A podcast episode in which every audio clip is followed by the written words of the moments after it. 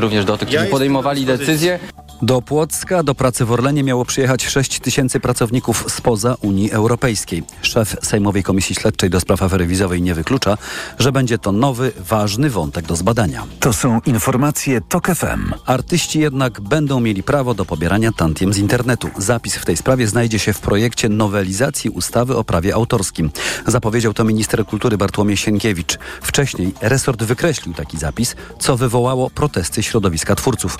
Polska jest ostatnim krajem w Unii Europejskiej, którym artyści nie otrzymują zapłaty za emisję filmów czy seriali w serwisach streamingowych. Krzysztof Horwat. Ostateczny projekt w ciągu dwóch do trzech tygodni trafi do Sejmu. Minister Bartłomiej Sienkiewicz liczy na wspólny front rządu, większości parlamentarnej i twórców oraz szybkie tempo prac. Bez gier lobbystycznych i bez prób opóźniania. Zwłaszcza, że za niedostosowanie prawa do unijnych przepisów w Polsce grożą wielomilionowe kary. O sukcesie mogą mówić twórcy, którzy w ostatnich tygodniach głośno domagali się zmiany projektu. W końcu czujemy, że nasz głos się liczy, komentowała w TOK FM reżyserka Zuzanna Grajcewicz z Koła Młodych Stowarzyszenia Filmowców Polskich. Dla nas, dla młodych filmowców, to jest czasami być albo nie być. Naprawdę czasami to jest kwota, która może pozwolić nam przeżyć do końca miesiąca. Pieniądze będą wypłacać twórcom organizacje zrzeszające artystów, które wcześniej muszą porozumieć się co do wysokości tantiem z firmami streamingowymi. Krzysztof Horwat, TOK FM.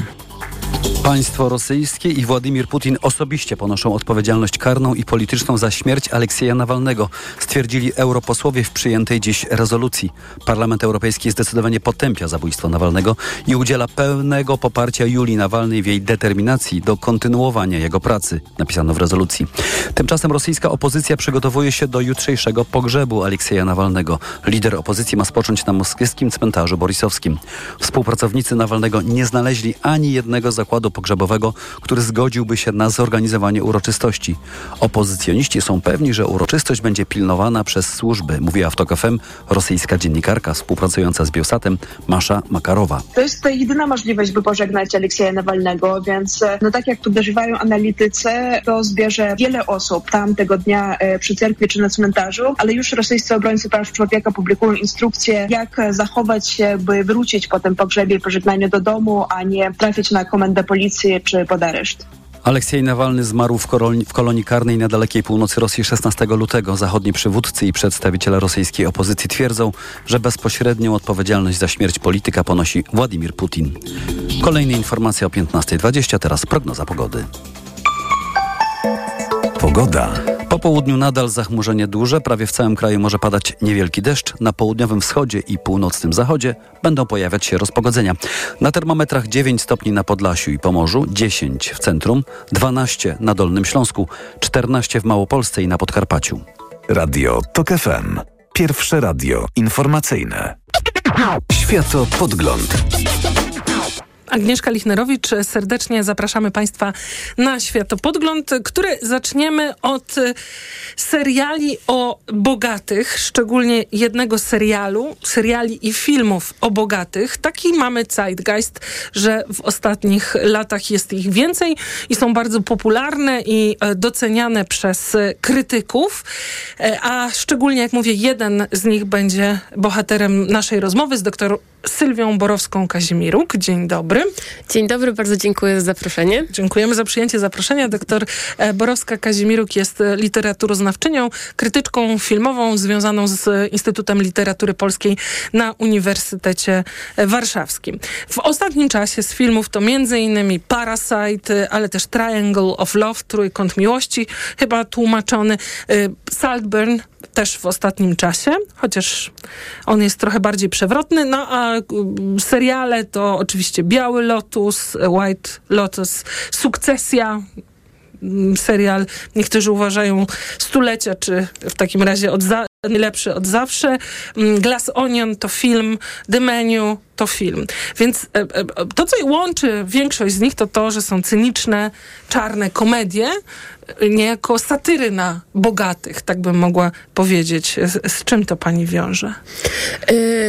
Ja bym zaczęła chyba od tego, że bardzo często w takich dyskusjach o, o właśnie o produkcjach dla bogaczy, o tych satyrach właśnie, które teraz są, są tak popularne, zawsze pobrzmiewa taka nutka ym, wyrzutu trochę do, trochę do siebie, a trochę do publiczności, że tak wielką uwagą obdarzamy i tak już y, bogatych y, i uprzywilejowanych. Ja trochę mam. Y, no właśnie. I może, I może właśnie warto się nad tym rzeczywiście trochę pochylić, bo to rzeczywiście o to chodzi. No bo rzeczywiście w pewnym sensie, jakie problemy to jakby y, się, się z tym wiążą, tak? Że z jednej strony możemy powiedzieć, że jakby kierując w tym kierunku właśnie naszą uwagę, to y, fetyszyzujemy trochę ludzi bogatych i uprzywilejowanych. Czynimy z nich e, e, takie figury e, mesjaszy, przywódców, e, liderów opinii, osoby, które być może niekoniecznie na to zasługują z samej racji e, zasobności portfela, czy znajdowania się w pierwszym procencie najbogatszych, tak? Albo y, no, problematyczne jest właśnie to, że ta nasza uwaga nie jest niewinna w takim sensie, że łatwo da się ją skapitalizować, czym jeszcze bardziej pogłębiamy tylko te różnice y, i, i wznosimy tak, ten piedestał, na, który, y, na których te osoby i tak już stoją. A z drugiej strony y, pojawiają się też głosy, że my w jakiś sposób um, tragizujemy czy uczłowieczamy coś, co być może na to w ogóle nie zasługuje. Znaczy, że e, być może, nie wiem, chciwość, nepotyzm nabiera, nabiera wtedy w naszych oczach jakąś taką nutkę właśnie tragiczności. I oczywiście można... To, to są ja bym do, jeszcze dorzuciła jedno. E, House of Cards, bardzo popularny serial o polityce, niejako zalegitymizował nasz cynizm. Czyli poczucie, że to wszystko tam to jest korupcja, zło i tak musi być i tak będzie i w sumie taki jest świat. To jest mój jeden... I tak samo z, z, z bogatymi to potwierdza bardzo cyniczne podejście do świata, co, co nie wydaje mi się taką postawą super e, konstruktywną, przepraszam za mhm. to najbardziej e, ujęcie. A drugie, no, że oglądając trochę przeżywamy być może katarzis, więc pytanie, co się dzieje e, z, z takimi emocjami, które mamy, że ten świat jest może niesprawiedliwy, zbyt nierówny, jak to jest możliwe, że, że ludzie mają aż tyle pieniędzy. Obejrzymy satyrę, pośmiejemy się, poczujemy się lepsi i i tak, tyle. i to są jakby powiedziałabym jak najbardziej zasadne zarzuty, które trzeba mieć nieustannie z tyłu głowy. Natomiast jakby ja na, y, y, odważyłabym się sięgnąć trochę głębiej jak gdyby i powiedziałabym, że y, wycofałabym się w takim sensie trochę z takiego moralnego ocenienia tego, a powiedziałabym, że y, te wszystkie produkcje łączy temat władzy. A władza sama w sobie jest tematem fascynującym, bardzo uniwersalnym i też y, po prostu dramaturgicznie y, bardzo, tak, bardzo, bardzo, no, bardzo takim świetnym materiałem po prostu. E, więc na temat władzy raczej to jest to, na czym ja bym się w ogóle jakoś skupiła i w czym ja bym w ogóle widziała wartość. Jak różnie, e, no bo jakby twórcy, którzy stawiają nam y, produkcje o władzy w ogóle stawiają nas przed naprawdę bardzo ważnymi pytaniami, tak ostatecznie, że no właśnie jak współcześnie definiujemy sukces i prestiż? Um, jakie formy w ogóle władza dzisiaj nieoczywiste w ogóle przybiera? Um, jak się w ogóle maskuje? Jaka jest jej cena i czy jesteśmy w stanie w ogóle zapłacić cenę, y, jaką za nią cenę musimy w ogóle zapłacić? I co to w ogóle mówi o nas jako ludziach, jako zbiorowości? Więc mi się wydaje, że to są jakby takie szalone, szalenie ważne pytania, którym możemy się pod różnymi postaciami właśnie za pomocą pomocą trochę za pomocą tych satyr właśnie na, na bogatych i uprzywilejowanych się przyjrzeć. No, pod względem takim dramaturgicznym to bym powiedziała, że no to są jakby produkcje, które w może mniej oczywisty sposób niż kryminały trzymają nas w napięciu, no bo kryminał oczywiście to jest zawsze pytanie, kto zabił.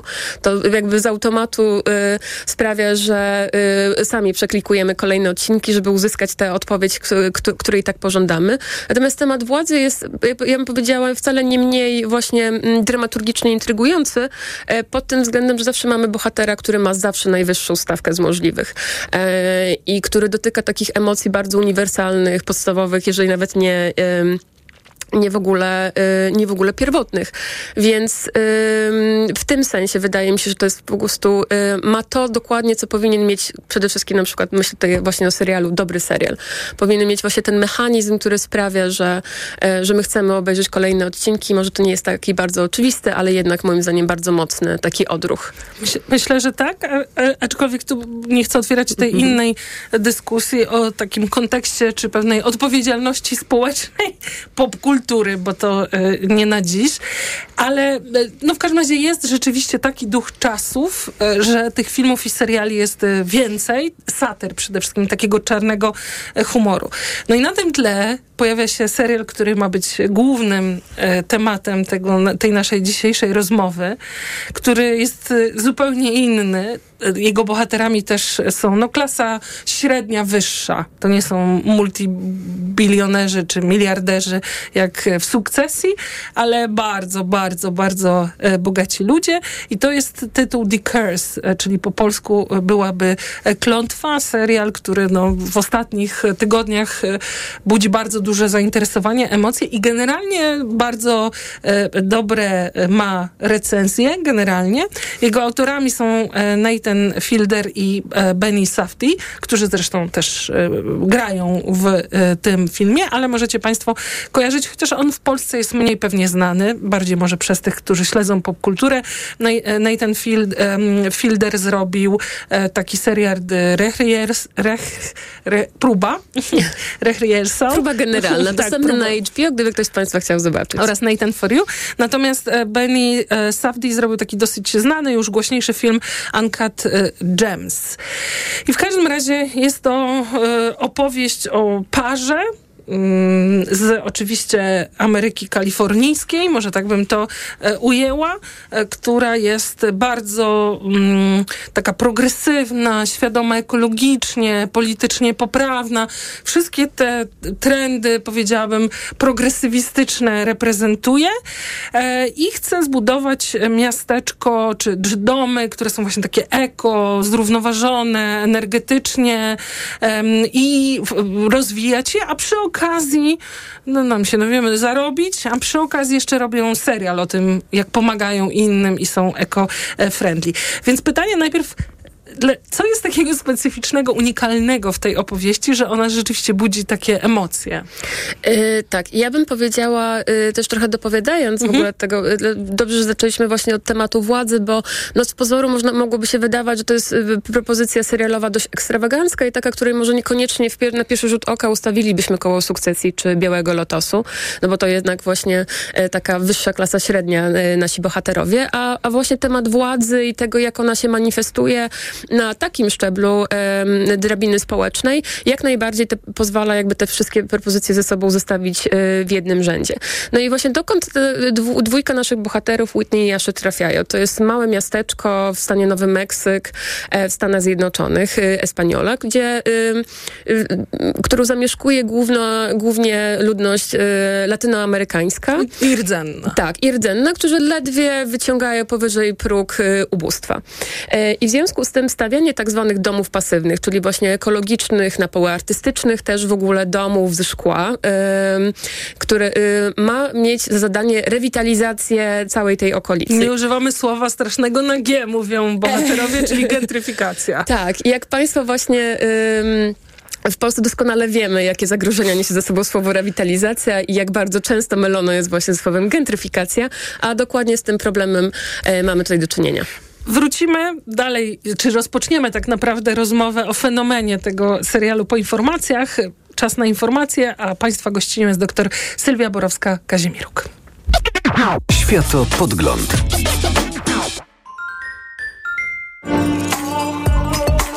Kultura osobista. Od poniedziałku do piątku o 11.40.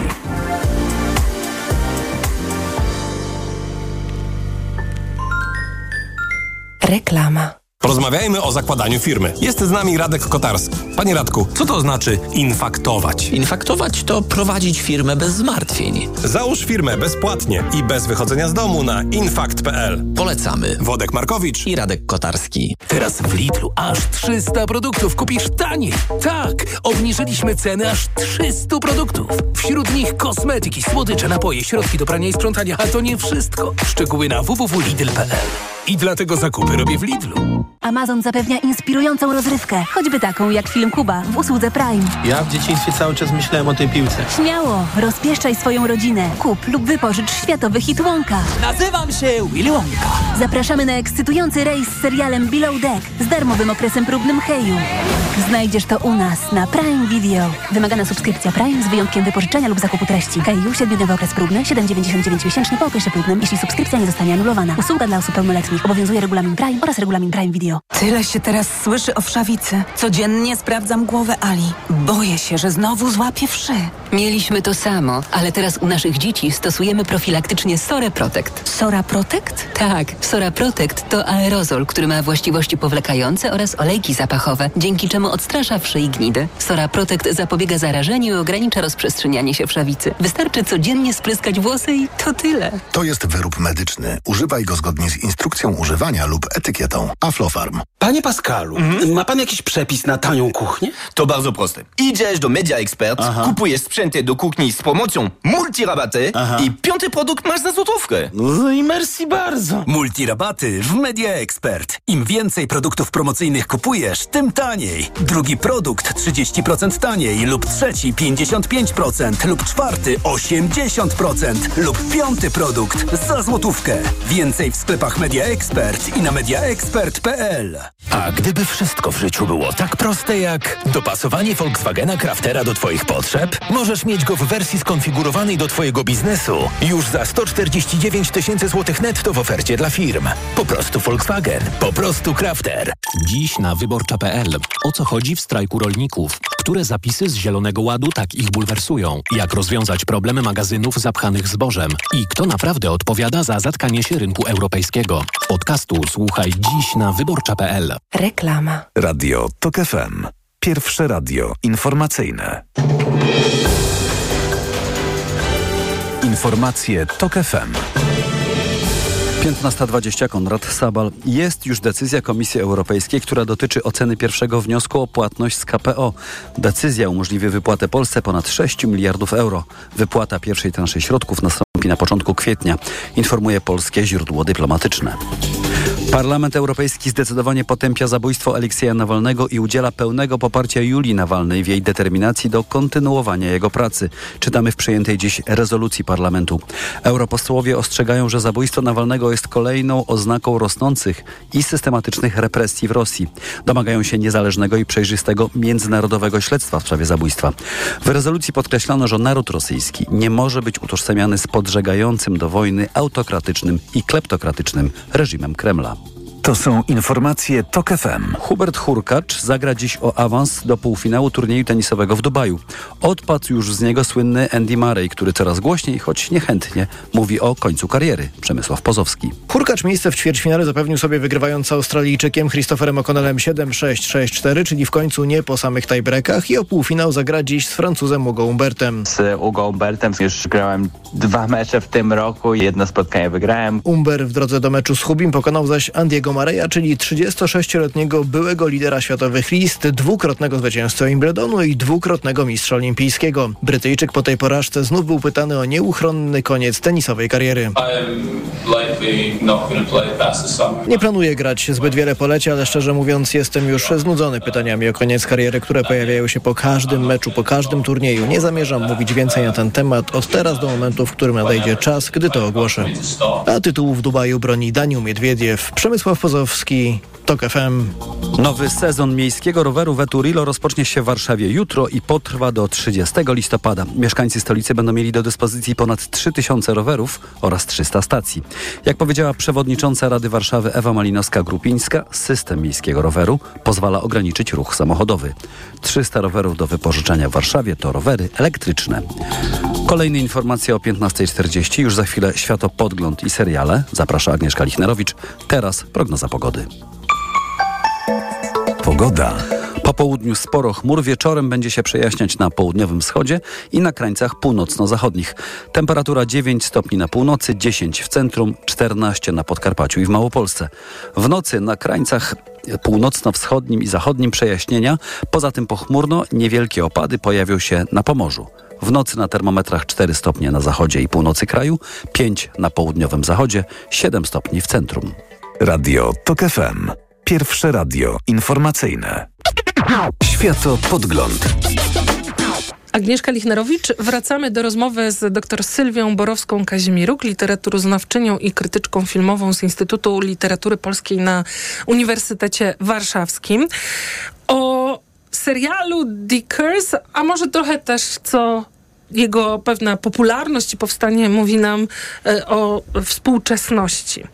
Dwie rzeczy, wydaje mi się, przedstawiłyśmy pole czy y, punkt wyjścia, przypomnę, to jest para 30 pewnie latków z klasa średnia wyższa, dokładnie tata jest bardzo bogaty mm, i oni są tacy bardzo otwarci, ekologiczni, progresywni, inkluzywni i w bardzo w ubogim mieście postanawiają rozwijać budownictwo pasywne, czyli w zgodzie z ekologią.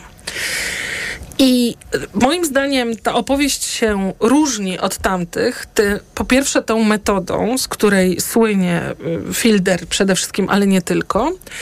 To znaczy, że oni tak, ten film jest tak opowiedziany, że ta żenada jest nie do uniesienia. Ja realnie czasami nie jestem w stanie oglądać. Znaczy, to jest y, tortura, bym powiedziała. To jest y, metoda. I nie, nie, nie, nie wiem, czy masz, potrafisz coś więcej powiedzieć, dlaczego to tak na nas działa, to opowiadanie, że, że oni są tak żenujący, no, że to się po prostu trudno ogląda.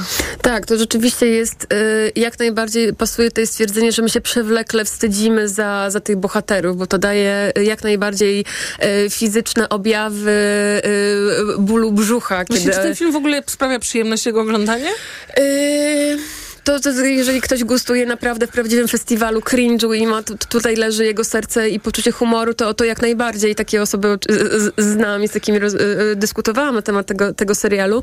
E, ja rzeczywiście seanse, które muszę patrzeć przez palce, tak. to, to nie są A tam może... się nic nie dzieje takiego, nie? Znaczy umiejętność to w ogóle stworzenia tego napięcia jest... Tak, ale tu się właśnie realizuje cała satyryczność w ogóle i, ta, i to, jak bardzo ostro tnie ta produkcja. Znaczy z jednej strony właśnie tego, że my wiemy, że cały ten efekt cringe'u powstaje z, właśnie z tego rozdwojenia, że z jednej strony my wiemy, jak jest naprawdę e, i też jaki poziom wyparcia i takiego wyrachowania osiągają bohaterowie w ka każdym kolejnej akcji, w każdej kolejnej sytuacji. I też nasze ból... dobrzy. Tak, dokładnie. I nasz ból i cierpienie bierze się z, trochę z takiego i te napięcie, o którym mówiłam, które właśnie świadczy o, o, o, o tym, czy serial jest dobry i czy, czy, czy ostatecznie zatrzymuje naszą uwagę, mm, bierze się z tego, że my trochę czekamy, aż wydarzy się sprawiedliwość. Czy im się uda? Czy im to ujdzie wszystko płazem? Czy może jednak na sam koniec dotknie ich jakaś ręka sprawiedliwości? Czy ten świat zareaguje jakoś? E, I... E, uniemożliwi e, dzianie się tego skandalu, bo właśnie jakby jak mówiliśmy jeszcze o tej e, rewitalizacji, tu oczywiście w cudzysłowie, e, to problem właśnie polega na tym, że to jest dwójka bohaterów, którzy i cringe'owość ich na tym polega, że no są... E, taka, że, że, że, na, tak, że, zażenowanie i wstyd, który odczuwamy my za tych bohaterów, polega na tym, że stawiają, usiłują za pomocą między innymi reality show, które równolegle kręcą, stworzyć swój taki wizerunek wizerunek zbawicieli, których y, wprawdzie których nikt nie wzywał, ale wszyscy potrzebowali. E, I taką właśnie rolę takich współczesnych kolonizatorów. Białego człowieka, kompleks białego człowieka, tak, to się kiedyś nazywało w pomocy rozwojowej. Tak, ta, ci bohaterowie właśnie usiłują taki swój wizerunek e, zbudować. E, no ale właśnie po co? Bo te domy mają zostać sprzedane bogatej klasie średniej, która ma wesprzeć dzięki temu samą swoją obecność ma tak, teorię dokładnie, w praktyce. Dokładnie biedniejszym, ale no, żeby y, sami bohaterowie jak gdyby um, starają się bardzo, żeby no, um, coś, co jest oczywistą formą współczesnego um, kolonializmu, e, jednak ubrać e, wszystkie możliwe szlachetne ideały. E, I szczególnie Whitney jest w ogóle taką e, bohaterką, która, która, gdzie ostrze tej satyry tnie wyjątkowo ostro w takie progresywne środowiska, bym powiedziała. No bo to jest właśnie bohaterka, Czyli która... mamy piękne idee. To znaczy powiedzmy, że oni chcą niby... Zielonej rewolucji, wyrównania różnic klasowych, odzyskiwania i pozyskiwania i poszanowania e, środowisk zmarginalizowanych czy, czy właśnie etnicznych e, o bardzo trudnej historii. No i same te idee, e, ten serial pokazuje, jak same krystalicznie czyste idee potrafią być formą sprawowania władzy i to, że od dobroczynności czy takiej właśnie działalności, tak, filantropii, działalności społecznie zorientowanej, od przemocy czasami różni tylko i wyłącznie pazłotko. To jest jakiś taki główny, główny rys tej postaci że mm, Whitney nie jest osobą, która robi to w ogóle dla pieniędzy, bo y, mrozi mi krew w żyłach oglądanie to, jak ona y, szasta pieniędzmi po to, żeby ten swój wizerunek y, filantropki y, budować i podtrzymywać. Mm, bo to jest, wejdę, przepraszam, wejdę ci słowo, ale to w teorii się mówi o prze, przechwytywaniu, przechwytywaniu przez e, system ekonomiczny, który mamy, czyli kapitalizm. Czyli mamy też te piękne ideały, które wymieniłaś, zrównoważony rozwój, inkluzywność. No i się okazuje, że są ludzie, którzy właśnie chcą na tym zarobić. Właśnie pod tą marką tego wszystkiego. To jest taka opowieść bardzo o współczesnym kapitalizmie z Doliny Krzemowej. Właśnie tych trzydziestolatków, którzy są tacy e, świadomi. I myślę, że oglądanie tego jest też bolesne, bo wiele z tych idei przecieka do e, klas średnich, również bardziej na peryferiach jak w Polsce, czyli no też żyjemy tymi ideami, czy część Polaków żyje tymi ideami. I myślę, że dlatego też to jest bolesne oglądanie tego. Tak, bolesne też właśnie w takim sensie, że y, to jest jakiś taki, y, ta bohaterka jak gdyby walczy w jakimś takim karmicznym wyścigu na bycie dobrym człowiekiem. I to jest taka licytacja na to, kto jest właśnie tym najbardziej szlachetnie i moralnie wyższym w ogóle. Tak. E, I jak bardzo właśnie te, te, te ideały właśnie wdraża, e, a nie tylko je wyznaje. podczas kiedy no, okazuje się w praktyce, że to są właśnie te takie niewinne, y, dla nie, ka nie każdego jak oczywiste formy y, przemocy i sprawowania właśnie władzy osoby uprzywilejowanej, e, bogatej, e, no i właśnie białej. E, I z drugiej strony też można w ogóle powiedzieć, że też trzeba powiedzieć, że to nie są aż tak bardzo jednoznaczne te postaci. Tak. I cała ambiwalencja też jakby z obserwowania chociażby Whitney e, bierze się z tego, że jak gdyby stara się w pewnym sensie swoją dobroczynnością odkupić winy za to, że jest uprzywilejowana i biała.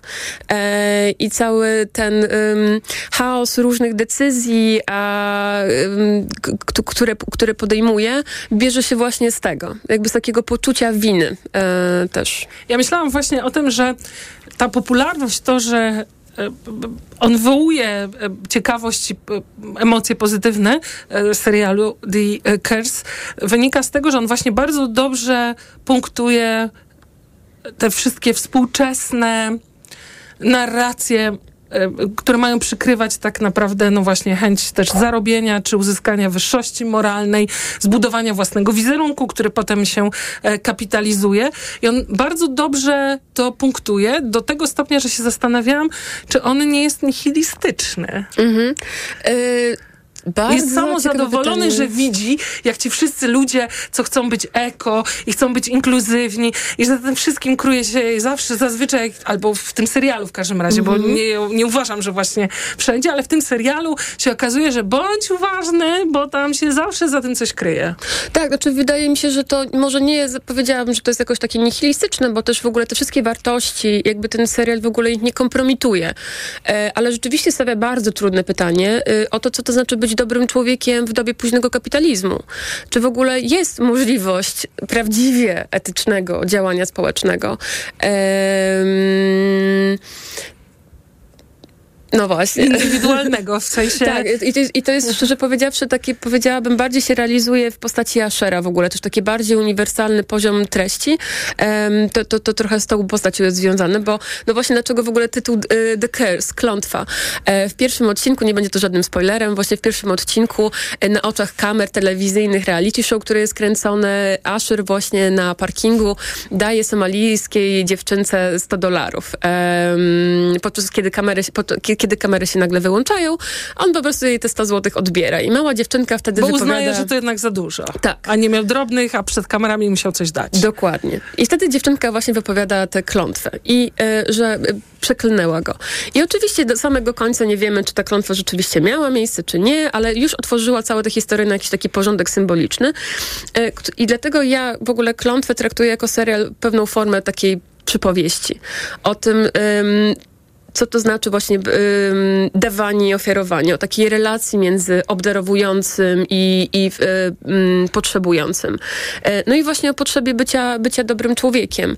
E, I tutaj, jeżeli miałabym Państwa tak e, za, zachęcić szczególnie do tej ekstrawaganckiej propozycji serialowej, to przede wszystkim z myślą właśnie o dziesiątym, ostatnim odcinku. I tutaj, jakkolwiek nie jestem szczególną zwolenniczką tej ochrony. teorii, że ochrony, ochrony treści i, i przeciwdziałaniu spoilerów, to w tym wypadku rzeczywiście byłoby to absolutną zbrodnią powiedzenie, o czym jest ten dziesiąty odcinek, natomiast e, jest to odcinek e, wpisujący się w jakąś taką dobrą, wybitną wręcz tradycję Twin Peaks i tym, z tym... To są w ogóle te porównania się pojawiają czasami z tego do Twin Peaks. I bardzo, bardzo słuszne, bo to jest tego rodzaju właśnie ekstrawagancja, bym powiedziała, e, i dla której warto ten serial, nie tylko ze względu na, oczywiście na problemy, które, o których poruszaliśmy, właśnie takiej wyjątkowo trafnej i ostrej satyry na, na, na, na współczesność, na te ważne pytania, o których wspominałyśmy, ale samej tej takiej y, przyjrzenia się równie oryginalnej telewizji, jaką jest dziesiąty odcinek i, i próbowania rozszyfrowania w ogóle, co ten odcinek znaczy.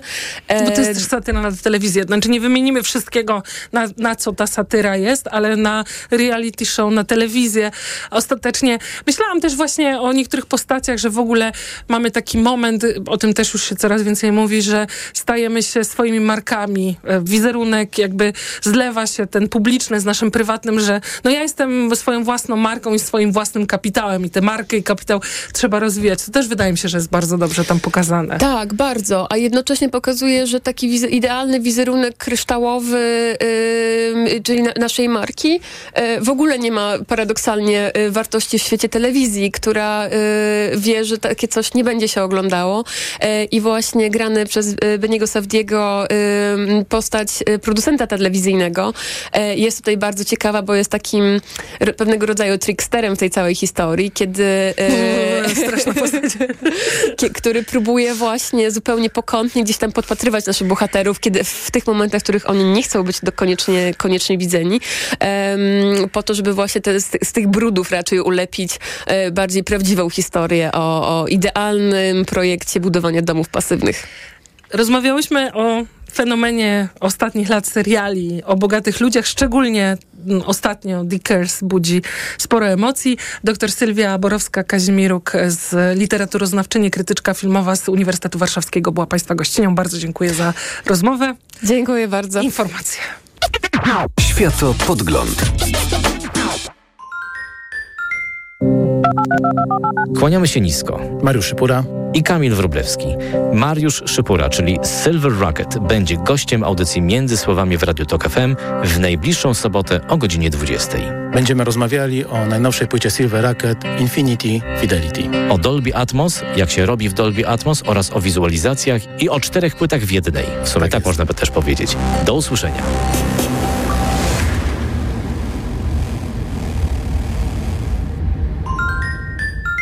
Reklama. Jeszcze tylko dzisiaj czyszczenie magazynów w euro. Przeceny na tysiące produktów. I do 5 marca do 40 lat 0% na cały asortyment. I do czerwca nie płacisz. RRSO 0%. Regulamin w sklepach i na euro.com.pl.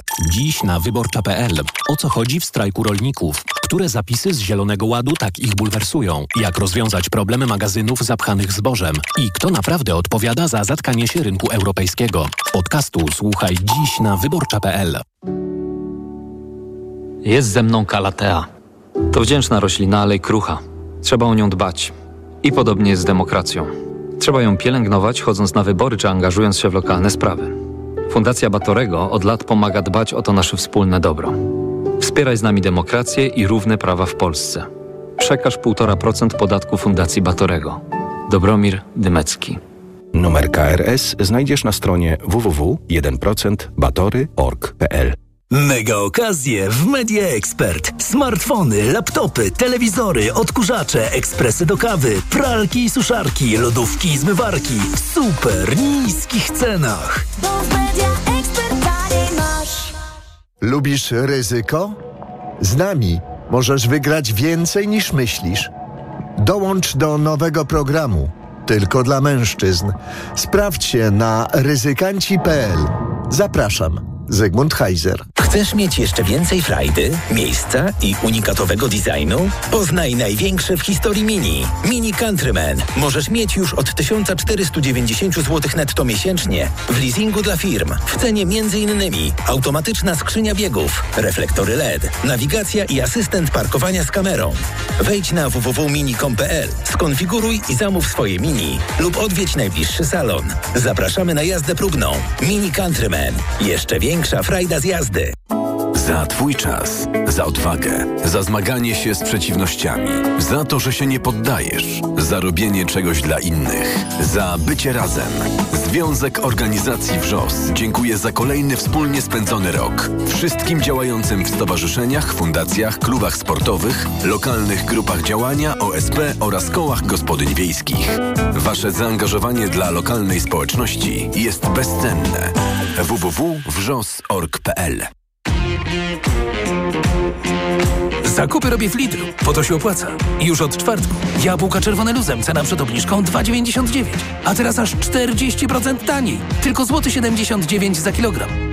Tak, aż 40% taniej, tylko złoty 79 za kilogram. Ser Gouda w kawałku Pilos, tylko 14,99 za kilogramowe opakowanie. Tak, tylko 14,99 za kilogramowe opakowanie. Dla takich oszczędności zakupy robię w Lidlu. A gdyby wszystko w życiu było tak proste jak dopasowanie Volkswagena Craftera do Twoich potrzeb, możesz mieć go w wersji skonfigurowanej do Twojego biznesu już za 149 tysięcy złotych netto w ofercie dla firm. Po prostu Volkswagen, po prostu Crafter. Teraz, robiąc zakupy w Leroy Merlin, jesteś grubo do przodu, bo w klubie zwracamy 150 zł na kartę podarunkową za każdy wydany tysiąc. Czy to salon, kuchnia czy łazienka. Po prostu remontuj taniej, bo zasada jest prosta. 150 zł za każdy wydany tysiąc i tak aż do 1950 zł zwrotu na karcie podarunkowej. Zapraszamy do sklepów i na leroymerlin.pl. Regulamin w sklepach. Proste, proste. Leroy Merlin. Reklama. Radio TOK FM. Pierwsze radio informacyjne. Informacje TOK FM. 15.40 Konrad Sabal. Zeznania prokurator Ewy Wrzosek i prokurator Edyty Dudzińskiej przed Sejmową Komisją do Spraw Wyborów Kopertowych muszą zostać skonfrontowane. Wniosek o konfrontację zapowiedział przewodniczący komisji, poseł Koalicji Obywatelskiej Dariusz Joński. Ewa Wrzosek zeznała przed komisją, że w kwietniu 2020 roku wszczęła śledztwo w sprawie organizacji wyborów prezydenckich w okresie pandemii. Śledztwo umorzono jeszcze tego samego dnia. Zrobiła to ówczesna wiceszefowa tej samej prokuratury Edyta Dudzińska. Dzień później prokurator krajowy polecił wszczęcie wobec wrzosek postępowania dyscyplinarnego. Konfrontacja przed komisją ma wyjaśnić rzeczywisty przebieg tych zdarzeń. Szymon Hołownia, Władysław Kosiniak-Kamysz i Donald Tusk w lutym cieszyli się największym zaufaniem społecznym. Z największą nieufnością spotykali się Jarosław Kaczyński i Mateusz Morawiecki. Wynika z sondażu CBOS. To są informacje TOK FM. W Łodzi trzecia droga nadal nie ogłosiła kandydata na prezydenta miasta, chociaż zapowiada to od dwóch tygodni. Tym samym jest jedynym dużym ugrupowaniem w mieście, które nie wskazało jeszcze, kto z jego ramienia będzie ubiegał się o ten urząd. A o tym, kto chce być prezydentem Łodzi, Bartosz Kądziołka. Trzecia droga kandydata już ma, ale nie chce powiedzieć kogo. Tak tłumaczy to łódzka posłanka Polski 2050 Ewa Szymanowska. Są kwestie, które ostatecznie tutaj próbujemy jeszcze rozwiązać i będzie na pewno niebawem podana. Jak dotąd walkę o urząd prezydenta miasta zadeklarowała ubiegająca się o czwartą kadencję Hanna Zdanowska z PO, którą popiera też Nowa Lewica. Z ramienia PiS w najbliższych wyborach wystartować ma obecna posłanka Agnieszka Wojciechowska-Van Heukelom. Wystartować ma też łódzka radna z klubu niezależnych socjaldemokratów Małgorzata Niewiadomska-Cudak. O fotel prezydenta mają ubiegać się też popierana przez Konfederację Klaudia Domagała i prezes Polskiej Partii Piratów Janusz Wdzięczak. Swojego kandydata Trzecia Droga najprawdopodobniej przedstawi w najbliższy poniedziałek. Z Łodzi Bartosz Kądziołka, TOK FM. I jeszcze jedna informacja dotycząca zbliżających się wyborów. Platforma Obywatelska w Rzeszowie poparła obecnego prezydenta miasta Konrada Fiołka w nadchodzących wyborach. Lider PO nad Podkarpaciu, poseł Zdzisław Gawlik, powiedział, że cieszy się, iż udało się dojść do porozumienia z Fiołkiem. W Rzeszowie trzy lata temu w przedterminowych wyborach na prezydenta stolicy Podkarpacia cała ówczesna demokratyczna opozycja poparła kandydaturę Konrada Fiołka. Cieszę się, że dziś ponownie możemy wysłać sygnał dla Rzeszowian, że współpraca jest najważniejsza, powiedział Konrad Fiołek. Kolejne informacje już o 16, za chwilę światopodgląd, a teraz prognoza pogody. Pogoda. Po południu sporo chmur, wieczorem będzie się przejaśniać na południowym wschodzie i krańcach północno-zachodnich. Temperatura 9 stopni na północy kraju, 10 w centrum, 14 na Podkarpaciu i w Małopolsce. W nocy przejaśnienia na południu kraju, poza tym pochmurno. Niewielkie opady pojawią się wyłącznie na Pomorzu. W nocy na termometrach 4 stopnie na zachodzie i północy kraju, 5 na południowym zachodzie, 7 stopni w centrum. Radio TOK FM. Pierwsze radio informacyjne. Światopodgląd. Agnieszka Lichnerowicz, skoro czwartek, to serdecznie zapraszam Państwa na sąsiedzki przegląd prasy, naszą taką cotygodniową rozmowę o tym, e, co ciekawego można znaleźć albo ważnego w mediach państw naszych e, sąsiadujących. Dziś e, przyszedł czas na dosyć nadzwyczajny przegląd, bo też e, trudno mówić o mediach, zaraz sobie to wyjaśnimy, bo będzie przegląd białoruski. Dlatego też tu w studiu Radia Tok FM jest Nikita Grekowicz. Dzień dobry. Dzień dobry. Związany z Helsińską Fundacją e, Praw Człowieka. Właśnie może słowo jeszcze wstępu o, o, o kondycji mediów białoruskich, ale no niezależnych, bo nie, nie będziemy w każdym razie czytać tych propagandowych. One trwają. Znaczy wydaje mi, jakbyśmy mógł więcej powiedzieć, ale rozumiem, że to nie jest problem, znaczy, że jest gdzie czytać. O. Tak, oczywiście. Większość redakcji się przeniosła e, za granicę, czy to do Litwy, czy do Polski, e, czy do Czech i, i stąd, stamtąd funkcjonuje. E, część z nich ma aktualnych informatorów w kraju. Oczywiście to nie są jakby otwarte współprace, ale jednak część z nich e, stara się bardzo i rozumie konieczność e, komunikacji z ludźmi w kraju i jest nastawionych głównie na komunikację z ludźmi w kraju. E, to też są nierzadko media niezależne w pełni, to znaczy takie, które wypowiadają się krytycznie też na temat opozycyjnych struktur.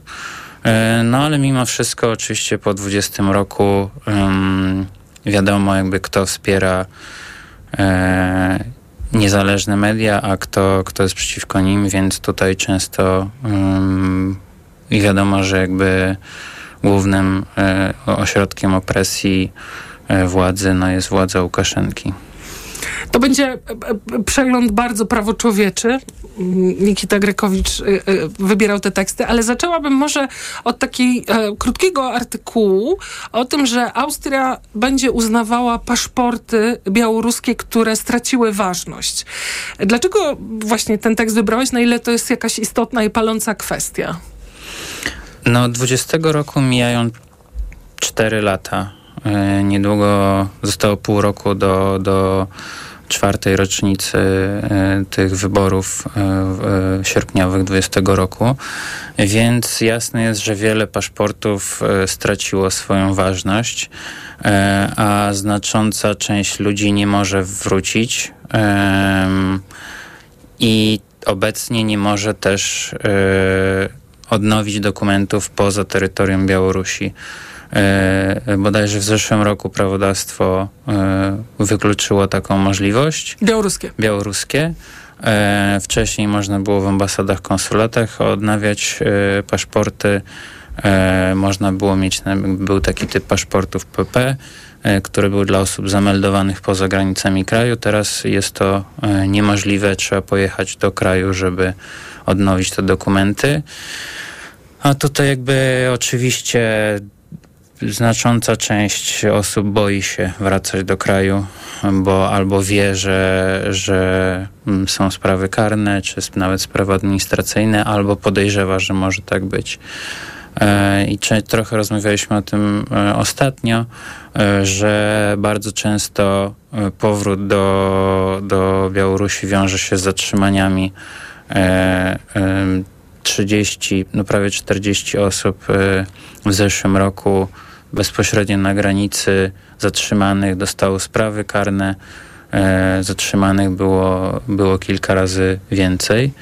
E, I nawet e, też rozmawialiśmy o tym ostatnio. Jest jakiś taki rządowy projekt po, powrotu do, e, do kraju, ale to też e, jasne jest, że, e, że nie jest to mm, mm, wiarygodny, bo, bo wiele osób, z których które wracały w ramach tego projektu e, rządowego też, e, też było zatrzymywanych i to e, też w związku ze sprawami karnymi, e, mimo deklaracji wcześniejszych Ale ta władz. austriacka deklaracja, rozumiem, jest awangardą, w sensie, że to jest problem, który powinien zostać rozwiązany przez pozostałe kraje, do których Białorusini i Białorusinki uciekali przed przemocą.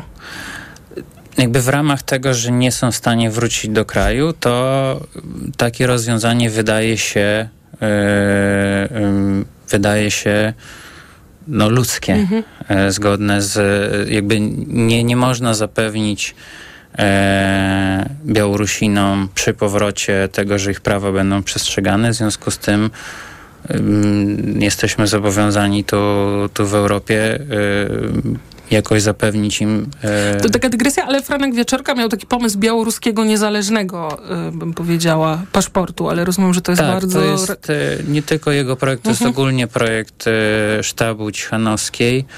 Em, I wie, wielu Białorusinów poza granicami kraju uważa to za, e, za dobry pomysł. E, Trwają rozmowy z różnymi rządami, z władzami Unii Europejskiej.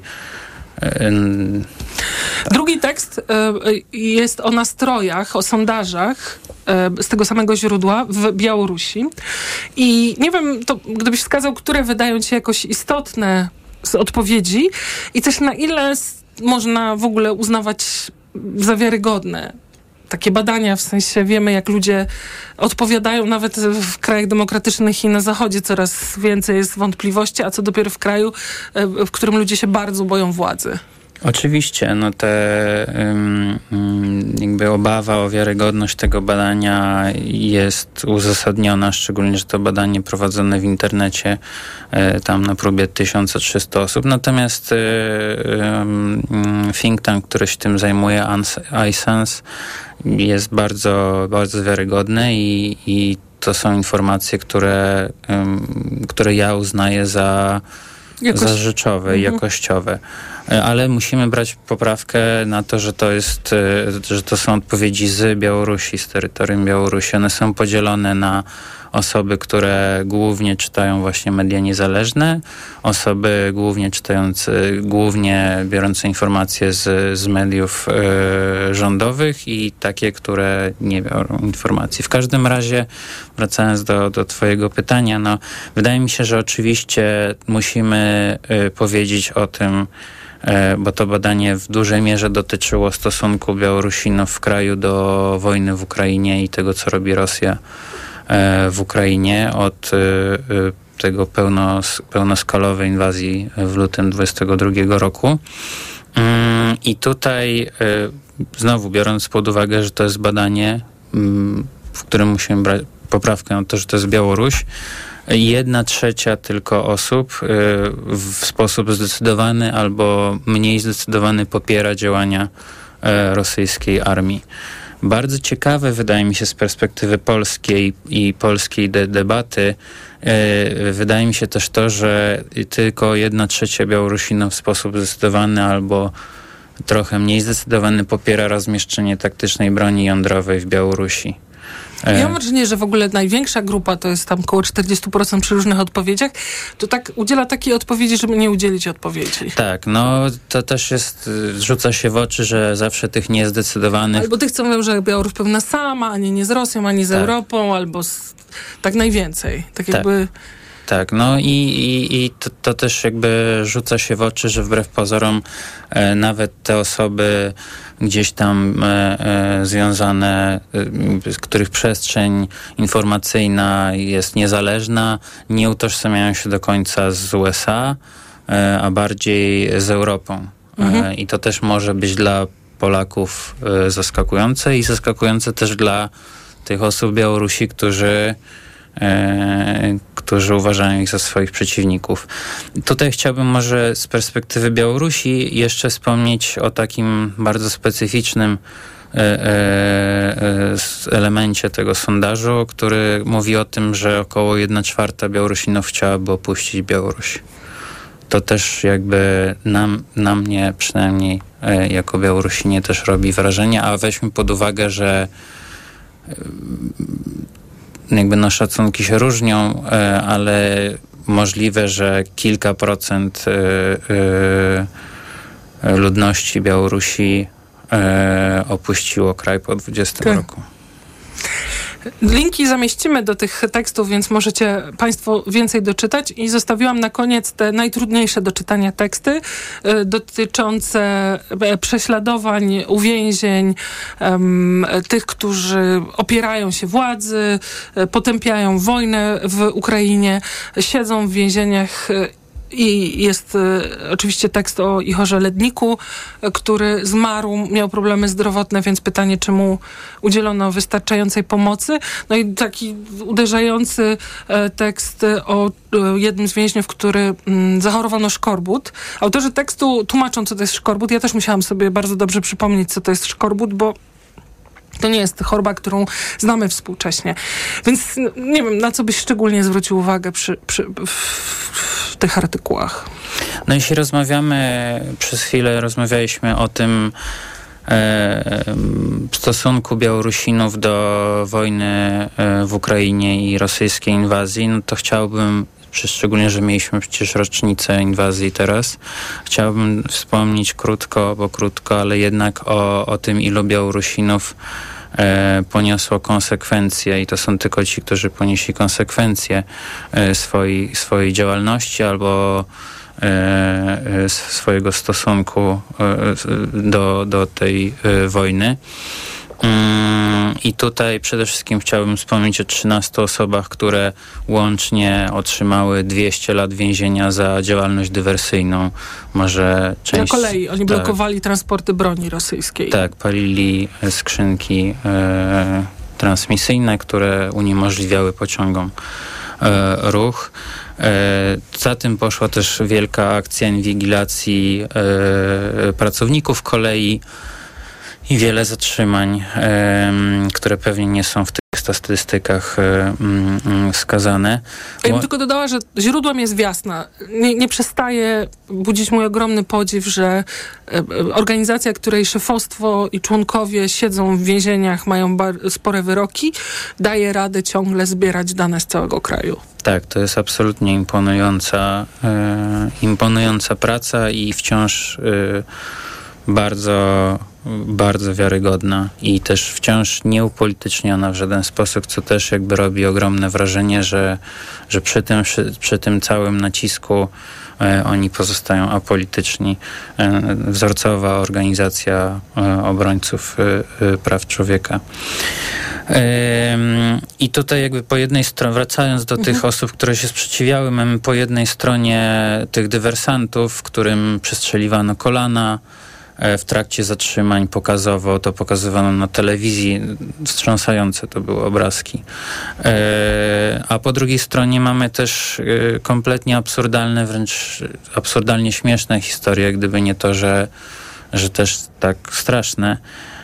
No, mamy, mamy osoby zatrzymywane za to, że miały w mediach społecznościowych zdjęcia z jakiegoś miejsca z wakacji, gdzie jest ukraińska i e, gruzińska flaga, z tym, że to zdjęcie było zamieszczone w 2021 roku, tylko po prostu ktoś nie sprawdził, że ma takie zdjęcie, nie usunął go, a służby stwierdziły, że to jest niedozwolona pikieta i za to e, trafił e, mm, ten człowiek na 15 dni do, e, e, do aresztu.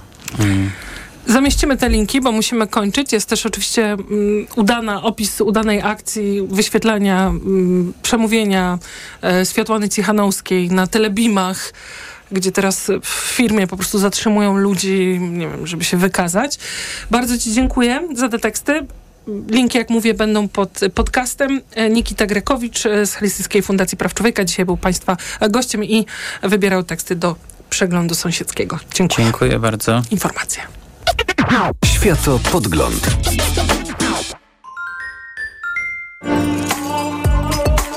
Kultura osobista. Od poniedziałku do piątku o 11.40.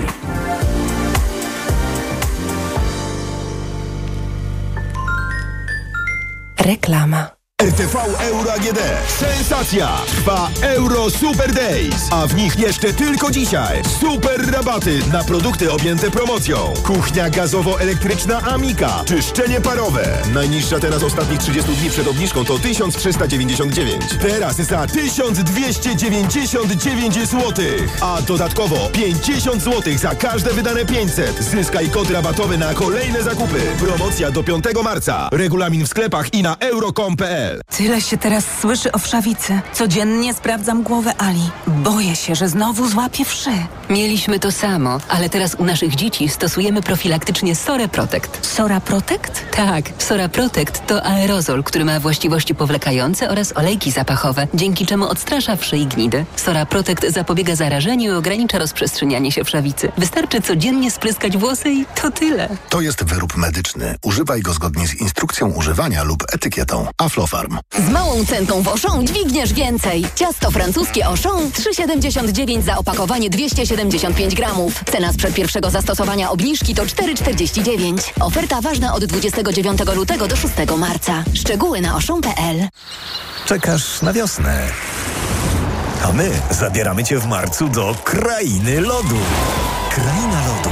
Music Show on Ice. Łyżwiarze, akrobaci i soliści musicalowi. W Warszawie, Toruniu, Zabrzu i Krakowie. Bilety na Kup Bilecik i eventim.pl.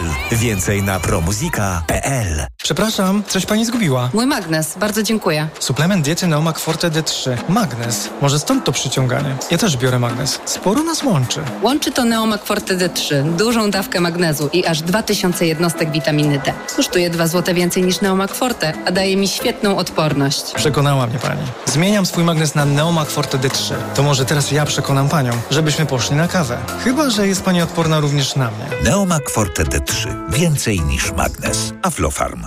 Dziś na wyborcza.pl. O co chodzi w strajku rolników? Które zapisy z Zielonego Ładu tak ich bulwersują? Jak rozwiązać problemy magazynów zapchanych zbożem? I kto naprawdę odpowiada za zatkanie się rynku europejskiego? Podcastu słuchaj dziś na wyborcza.pl. Reklama. Radio TOK FM. Pierwsze radio informacyjne. Czwartek 29 lutego minęła 16.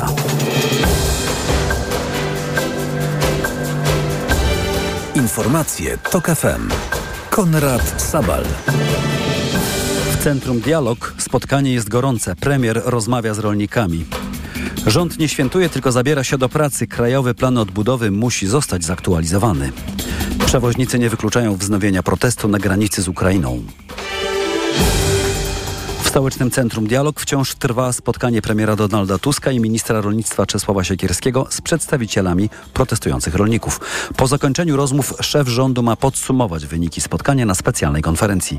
Rozmowy przebiegają w dość gorącej atmosferze, bo niektóre organizacje nie, nie dostały zaproszenia i nie zostały wpuszczone do budynku. Ja jestem z organizacji Polskie Towarzystwo Rolnicze Franciszek Nowak i po pierwsze, że była informacja, że pan premier zaprasza wszystkich liderów. Ja jestem liderem Polskiego Towarzystwa Rolniczego, to są gospodarstwa towarowe, te duże, więc tym bardziej y, mój kolega z podobnej organizacji też nie jest zaproszony. Właśnie nie jesteście jedyną organizacją, która nie została tutaj wpuszczona. Mamy tutaj przed budynkiem kilku przedstawicieli kilku organizacji i jak pan myśli, jak to będzie teraz rezonować w, wśród rolników? No, my jesteśmy organizacjami merytorycznymi. My mamy konkretne założenia. Niektóre organizacje y, są jakby tutaj nastawione bojowo, natomiast mało merytorycznie. No, nie wiem dlaczego tak się to ułożyło, ale no, musimy czekać, co będzie, co będzie dalej. Za duże jest ryzyko, żeby nie rozmawiać, nie iść w dialog. Z jednym z niewpuszczonych rolników rozmawiał reporter TOK FM Cezary Jaszczyk. Na spotkanie zaproszono około 30 organizacji rolniczych. Po dwóch latach czekania Komisja Europejska już oficjalnie odblokowała dziś pieniądze na Krajowy Plan Odbudowy. W pierwszej kolejności do Polski trafi prawie 6,5 miliarda euro, czyli blisko 30 miliardów złotych. A to zaledwie 10% całego KPO. Więcej szczegółów zna Tomasz Setta. Zamiast świętowania nowy rząd musi teraz skupić się na ciężkiej pracy. Pierwszy krok to jak najszybsza aktualizacja Krajowego Planu Odbudowy, mówi Marta Petka-Zagajewska z PKO BP. Niestety straciliśmy dwa lata i mamy o połowę krótszy horyzont czasowy, w którym możemy z tych środków korzystać. A to oznacza, że wszystkich inwestycji i reform z KPO nie da się zrealizować w tak krótkim czasie. Bruksela zna powód opóźnień i część zapisów lub terminów z pewnością da się negocjować, mówi Marzena Chmielewska z Konfederacji Lewiatan. Natomiast to nie jest tak, że my dzisiaj przyjdziemy do, y, rząd przyjdzie do Komisji Europejskiej i położy na stole zrealizowane już inwestycje, które chcemy dodać do planu. To jest bardzo trudne. Poza KPO Komisja Europejska odblokowała dziś też Polsce dostęp do unijnych funduszy spójności. Tomasz Setta, TOK FM. Protest polskich przewoźników na granicy polsko-ukraińskiej może zostać wznowiony. Obecne porozumienie z Ministerstwem Infrastruktury wygasa jutro, a wciąż nie ma obiecywanego projektu ustawy, który rozwiąże problemy transportowców. Na granicy protestują rolnicy, przewoźnicy nieoficjalnie ich wspierają. To wsparcie to jednak tylko część całej branży transportowej. Szymon Kępka. Protestujący na granicy przewoźnicy to tylko część branży, twierdzi Maciej Wroński ze Związku Transport i Logistyka Polska. Branża liczy 105 tysięcy przedsiębiorców. 95% z nich w ogóle nie wykonuje przewozów na Ukrainę. Jest to protest przewoźników z regionu Podkarpacia i Lubelszczyzny. Przewoźnicy zawiesili protest w styczniu. Te kilka tygodni miały być momentem na stworzenie projektu ustawy, która rozwiąże problemy części branży. Tego projektu na razie nie ma. Też trzeba się liczyć z tym, że Unia Europejska no, zgodzi się na przedłużenie umowy o liberalizacji transportu z Ukrainą, bo to leży w interesie Europy, europejskiej gospodarki, ukraińskiej gospodarki. Nieoficjalnie protesty mogą wystartować ponownie jutro na większości przejść granicznych z Ukrainą. Chrebenne, Korczowa, Dorochusk to możliwe miejsca, gdzie może dochodzić do protestów. Szymon Kępka, TOK FM. To, że może dochodzić do protestów widać na internetowych forach. Oficjalnie przedstawiciele części transportowców na razie nie mówią o szczegółach nowej akcji na granicy. To są informacje TOK FM. Ministerstwo Kultury bada sytuację w Żydowskim Instytucie Historycznym. Po liście pracowników do ministra resort poprosił dyrekcję o przedstawienie m.in. działań antymobbingowych. Takie regulacje istnieją w instytucie, ale mówią m.in. o tym, że mobbingu nie można zgłaszać anonimowo. A w tym przypadku zarzuty dotyczą dyrektorki placówki. W rozmowie z TOK FM pracownicy mówią o autorytarnych rządach szefowej, powołanej przez poprzedniego ministra spisu Piotra Glińskiego. Chodzi na przykład o uczestnictwo w wystawach, mówi wieloletnia pracownica Instytutu Helena Datner. Zachęceni byliśmy do uczestnictwa w tych imprezach, które były afiliowane do Żichu, chociaż nie miały z nim nic wspólnego. Mailami pani dyrektor obecność obowiązkowe. Minister kultury Bartłomiej Sienkiewicz mówi w TOK FM, podejmujemy działania. Ta sprawa jest nam dobrze znana i oczywiście na dłuższą metę ona jest nie do utrzymania, tak będziemy reagować. Sama dyrektor Monika Krawczyk nie ma sobie nic do zarzucenia, a więcej na ten temat piszemy na tokefm.pl. W Bydgoszczy kampania wyborcza nabiera rumieńców. Internauci żywo komentują poczynania małżonki kandydata na prezydenta miasta, Marianny Schreiber, która w marcu będzie walczyć w formule Freak MMA z, pas- z Pato streamerką. Jaki to ma wpływ na wizerunek kandydata Prawa i Sprawiedliwości w walce o najważniejszy urząd w mieście, sprawdzała Agnieszka Wynarska. Sam Łukasz Schreiber powiedział mi, że skupia się wyłącznie na kampanii wyborczej. Uważam, że to nie ma kompletnie żadnego znaczenia w kontekście tego, kto jest prezydentem, posłem czy Bóg wie kim, co robi jego współmałżonek, bo on nie decyduje o sprawach miasta i nie będzie decydował. Internauci odbierają to jednak inaczej. Na przykład po prezentacji obietnic wyborczych dotyczących wydarzeń kulturalnych ironizowali na portalach społecznościowych, że może Schreiber ściągnie do miasta galę MMA ze swoją małżonką na czele. Zdaniem politologa doktora Marcina Jastrzębskiego poczynania Marianny Schreiber mogą być wizerunkowym problemem. Przy zdobywaniu nowych wyborców to już pani Marianna i to, co ona robi, może być raczej obciążeniem. Gala Freak MMA odbędzie się 9 marca, a wybory 7 kwietnia. Z Bydgoszczy Agnieszka Wynarska, TOK FM. Kolejne informacje o 15.20, teraz prognoza pogody.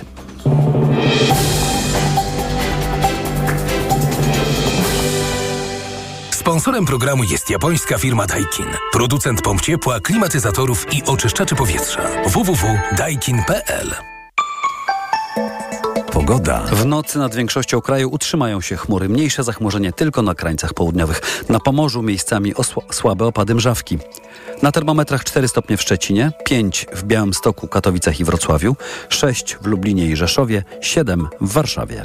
Sponsorem programu była japońska firma Daikin. Producent pomp ciepła, klimatyzatorów i oczyszczaczy powietrza. www.daikin.pl Radio TOK FM. Pierwsze radio informacyjne. Światopodgląd.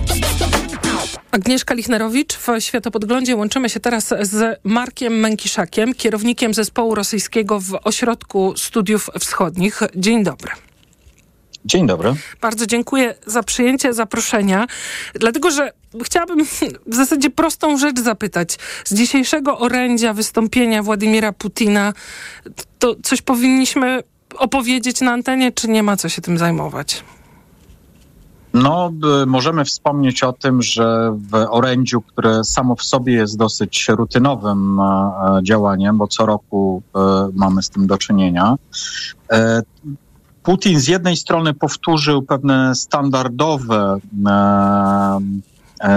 treści wobec odbiorcy zagranicznego, bo pamiętajmy, że przede wszystkim wobec odbiorcy wewnętrznego to orędzie jest e, do niego kierowane i trzy czwarte treści dotyczyło polityki społecznej i gospodarczej, ale w tej części zagranicznej e, on powtórzył z jednej strony pewne typowe treści, czyli oskarżenie Zachodu i zwłaszcza Stanów Zjednoczonych o wszelkie możliwe zło na świecie i o agresję przeciwko Rosji po drugie pogróżki wobec e, Zachodu i po trzecie oferta dialogu e, z Zachodem e, ze strony Rosji.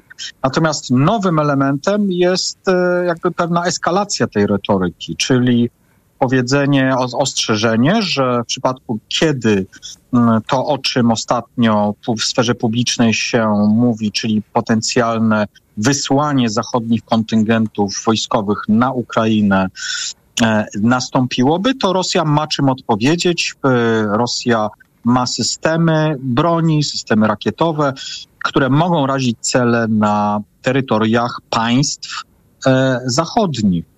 E, I przypomniał też Putin, że e, może to wszystko prowadzić do e, wojny nuklearnej. Więc pod tym względem mamy pewną nowość, ale mieszczącą się w pewnej standardowej retoryce rosyjskiej. Ja rozumiem, że to, się, to jest spójne z analizą z jednej strony analizą, ale z drugiej strony jakąś e, propagandą rosyjską, że oto teraz Putin czuje się silny, bo, bo, bo w uproszczeniu zabił Nawalnego i w końcu podbił Awdyjewkę.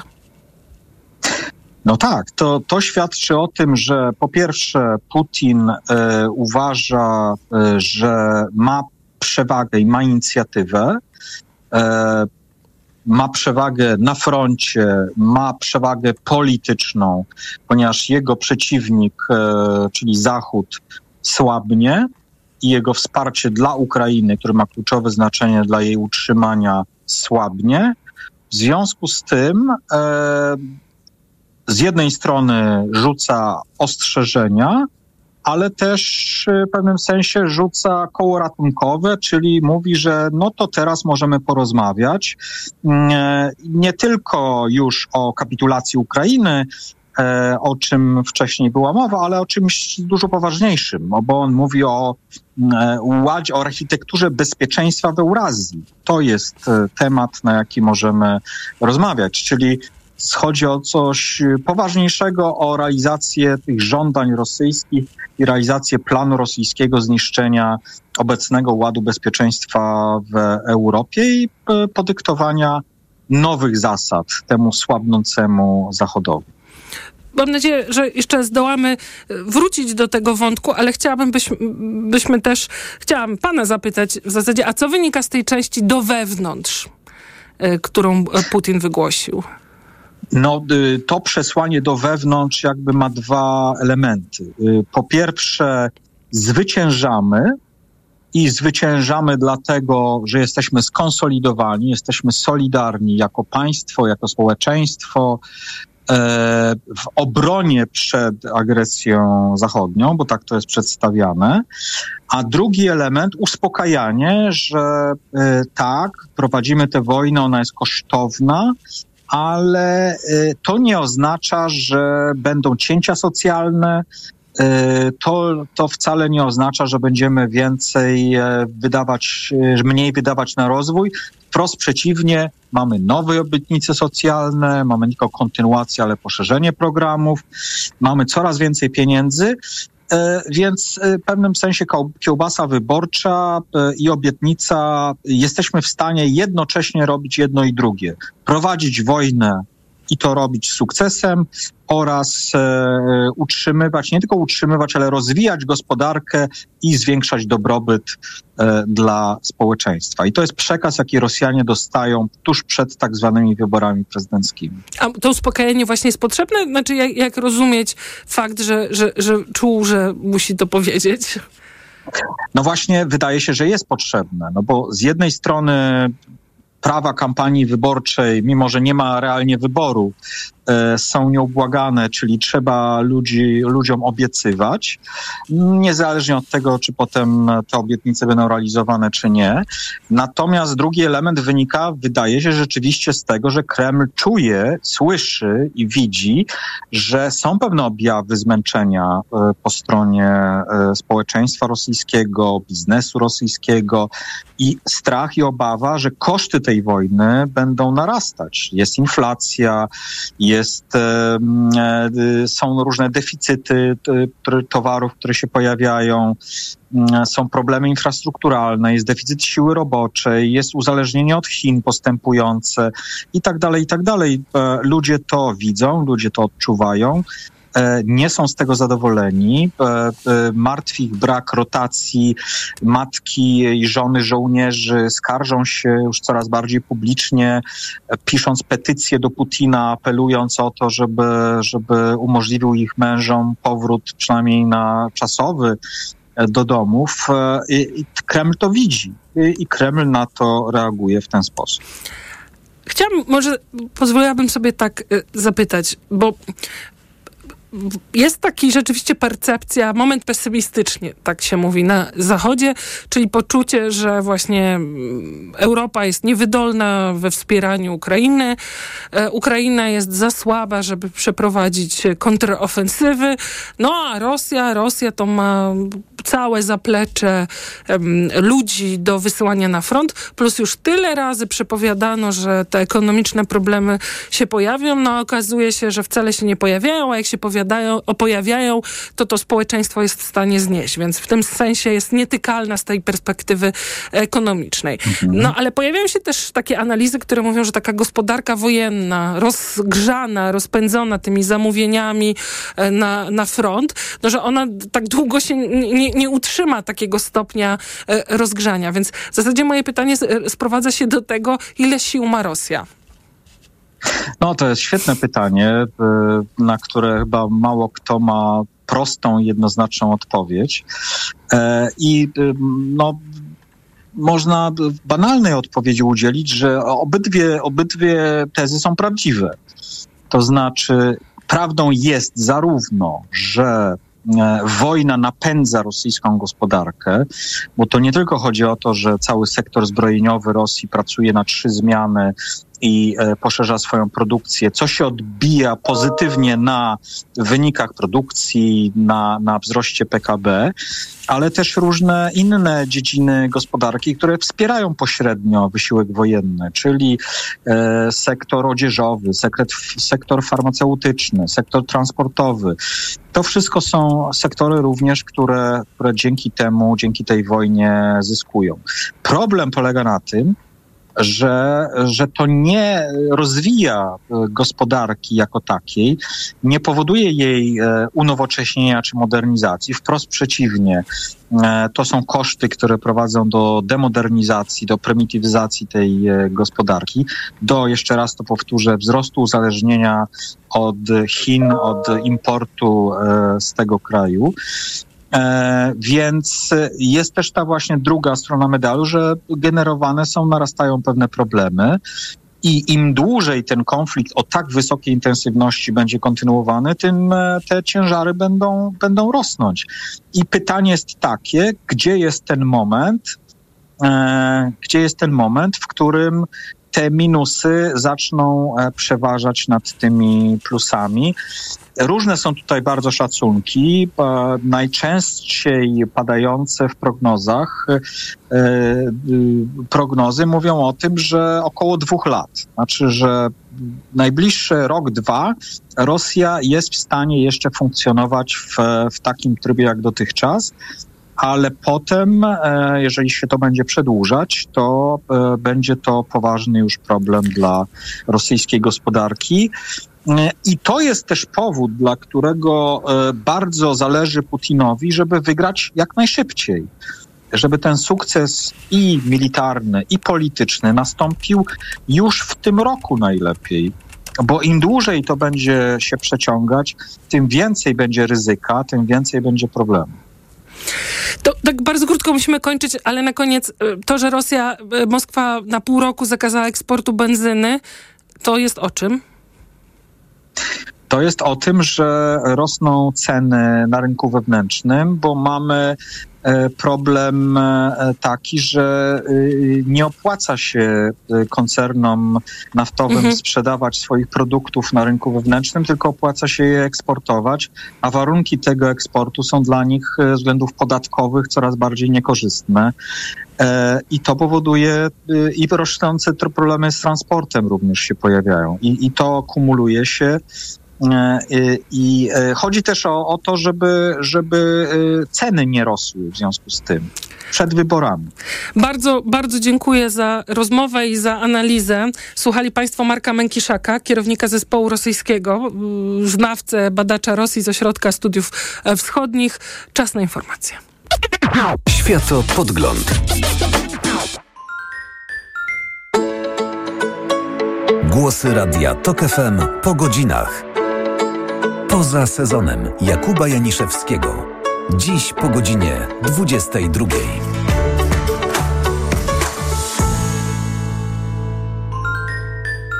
Reklama. Porozmawiajmy o zakładaniu firmy. Jest z nami Radek Kotarski. Panie Radku, czy zna pan słowo infakt? Oczywiście, że tak. Co to znaczy infaktować? Infaktować to prowadzić firmę bez zmartwień. A ten, kto infaktuje? Ten wystawia faktury w aplikacji Infakt, a księgowy z Infaktu dba o porządek w księgowości. Infaktycznie. Załóż firmę bezpłatnie i bez wychodzenia z domu na infakt.pl. Infakt. Zakładanie firm i księgowość w jednym miejscu. Polecamy. Wodek Markowicz i Radek Kotarski. Przepraszam, coś pani zgubiła. Mój magnes, bardzo dziękuję. Suplement diety Neomak Forte D3. Magnes. Może stąd to przyciąganie. Ja też biorę magnes. Sporo nas łączy. Łączy to Neomak Forte D3. Dużą dawkę magnezu i aż 2000 jednostek witaminy D. Kosztuje 2 zł więcej niż Neomak Forte, a daje mi świetną odporność. Przekonała mnie pani. Zmieniam swój magnes na Neomak Forte D3. To może teraz ja przekonam panią, żebyśmy poszli na kawę. Chyba, że jest pani odporna również na mnie. Neomak Forte D3. Więcej niż magnes. Aflofarm. Uratuj historię, by nie zniknęła wraz z człowiekiem. Przekaż 1,5% podatku Fundacji Ośrodka Karta. KRS znajdziesz na stronie karta.org.pl. Mówiła Maja Komorowska. Reklama. Radio TOK FM. Pierwsze radio informacyjne. Informacje TOK FM. 16.20 Konrad Sabal. Sondażownia Ipsos na zlecenie TOK FM i Okopres zapytała Polaków, na kogo oddaliby swój głos w wyborach na prezydenta Polski. Wybory te odbędą się w przyszłym roku. Wśród respondentów największe szanse na wejście do drugiej tury wyborów mają Rafał Trzaskowski i Mateusz Morawiecki. Na trzecim miejscu znajduje się marszałek Sejmu Szymon Hołownia. O sondażu z politykami w Sejmie rozmawiał reporter TOK FM Maciej Kluczka. Dla polityków Koalicji Obywatelskiej to oczywiście dobra wiadomość, bo najwięcej ankietowanych, 26%, wskazało na Rafała Trzaskowskiego, ale tuż za nim uplasował się polityk PiS, były premier Mateusz Morawiecki z wynikiem 25%. Posła PiSu Pawła Jabłońskiego zapytałem, czy były premier mógłby zostać kandydatem na przyszłego prezydenta. To, co będzie za rok, to naprawdę jeszcze się tak dużo rzeczy może pozmieniać. Ale dla pana to byłby dobry kandydat PiS? Jest bardzo dobrym, jednym z liderów naszego obozu, z całą pewnością. Lewica z sondażu zadowolona być nie może, bo wspomniana w nim Agnieszka Dziemianowicz-Bąk ma 4% poparcia, ale według jej partyjnego kolegi Dariusza Wieczorka to mimo wszystko dobry punkt startu. Ale jak się wybija, to bardzo nas to cieszy i dobrze wróży na przyszłość. Po dwóch kadencjach w tym wyścigu nie będzie mógł wystartować Andrzej Duda. Maciej Kluczka, TOK FM. Premier nie wyklucza, że Polska podejmie podobną inicjatywę jak Łotwa w sprawie zakazu importu rosyjskich produktów rolnych. Donald Tusk spotkał się z premier Łotwy Efiką Silną. Po spotkaniu poinformował, że oba kraje będą zabiegać o lepsze regulacje chroniące rolników przed importem zbóż i żywności ze wschodu. Rozmowy szefów rządu Polski i Łotwy dotyczyły też bezpieczeństwa energetycznego, w tym potrzeby synchronizacji sieci elektroenergetycznej Łotwy z Europą Zachodnią. Poruszony też został temat lepszego połączenia transportowego obu krajów, między innymi połączenia kolejowego. To są informacje TOK FM. W ataku wojsk izraelskich w mieście Gaza zginęły 104 osoby czekające na pomoc humanitarną. 760 zostało rannych, przekazało dziś Ministerstwo Zdrowia Strefy Gazy. Ofiary wśród Palestyńczyków są w większości wynikiem chaosu i zamieszek, do których doszło podczas, jak informują izraelscy e, żołnierze, rozkradania konwoju z pomocą humanitarną. Część z nich została przejechana przez samochody, poinformowało izraelskie wojsko. Kanclerz Niemiec Olaf Scholz potwierdził swój sprzeciw wobec wysyłania wojsk lądowych krajów NATO na Ukrainę. O tym, że nie należy wykluczać takiej możliwości, mówił w poniedziałek prezydent Francji Emmanuel Macron. Olaf Scholz zadeklarował, że jako kanclerz Niemiec nie wyśle żadnych żołnierzy Bundeswehry na Ukrainę. Zdaniem Scholza NATO nie stanie się stroną w wojnie Rosji przeciwko Ukrainie. Kolejne informacje o 16.40. Już teraz prognoza pogody. Pogoda. Po południu sporo chmur, przejaśnienia na południowym wschodzie i na krańcach północno-zachodnich. Temperatura 9 stopni na północy, 10 w centrum, 14 na Podkarpaciu i w Małopolsce. W nocy na krańcach południowych przejaśnienia. Niewielki deszcz możliwy na Pomorzu. W nocy na termometrach 4 stopnie na zachodzie kraju i na północy. Na południowym wschodzie 5, w centrum 7 stopni. Radio TOK FM. Pierwsze radio informacyjne.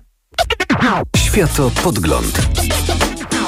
Agnieszka Lichnerowicz w Stołecznym Centrum Dialog. Jak Państwo słyszycie, cały czas trwa spotkanie premiera Donalda Tuska, ministra rolnictwa Czesława Siekierskiego z przedstawicielami protestujących rolników.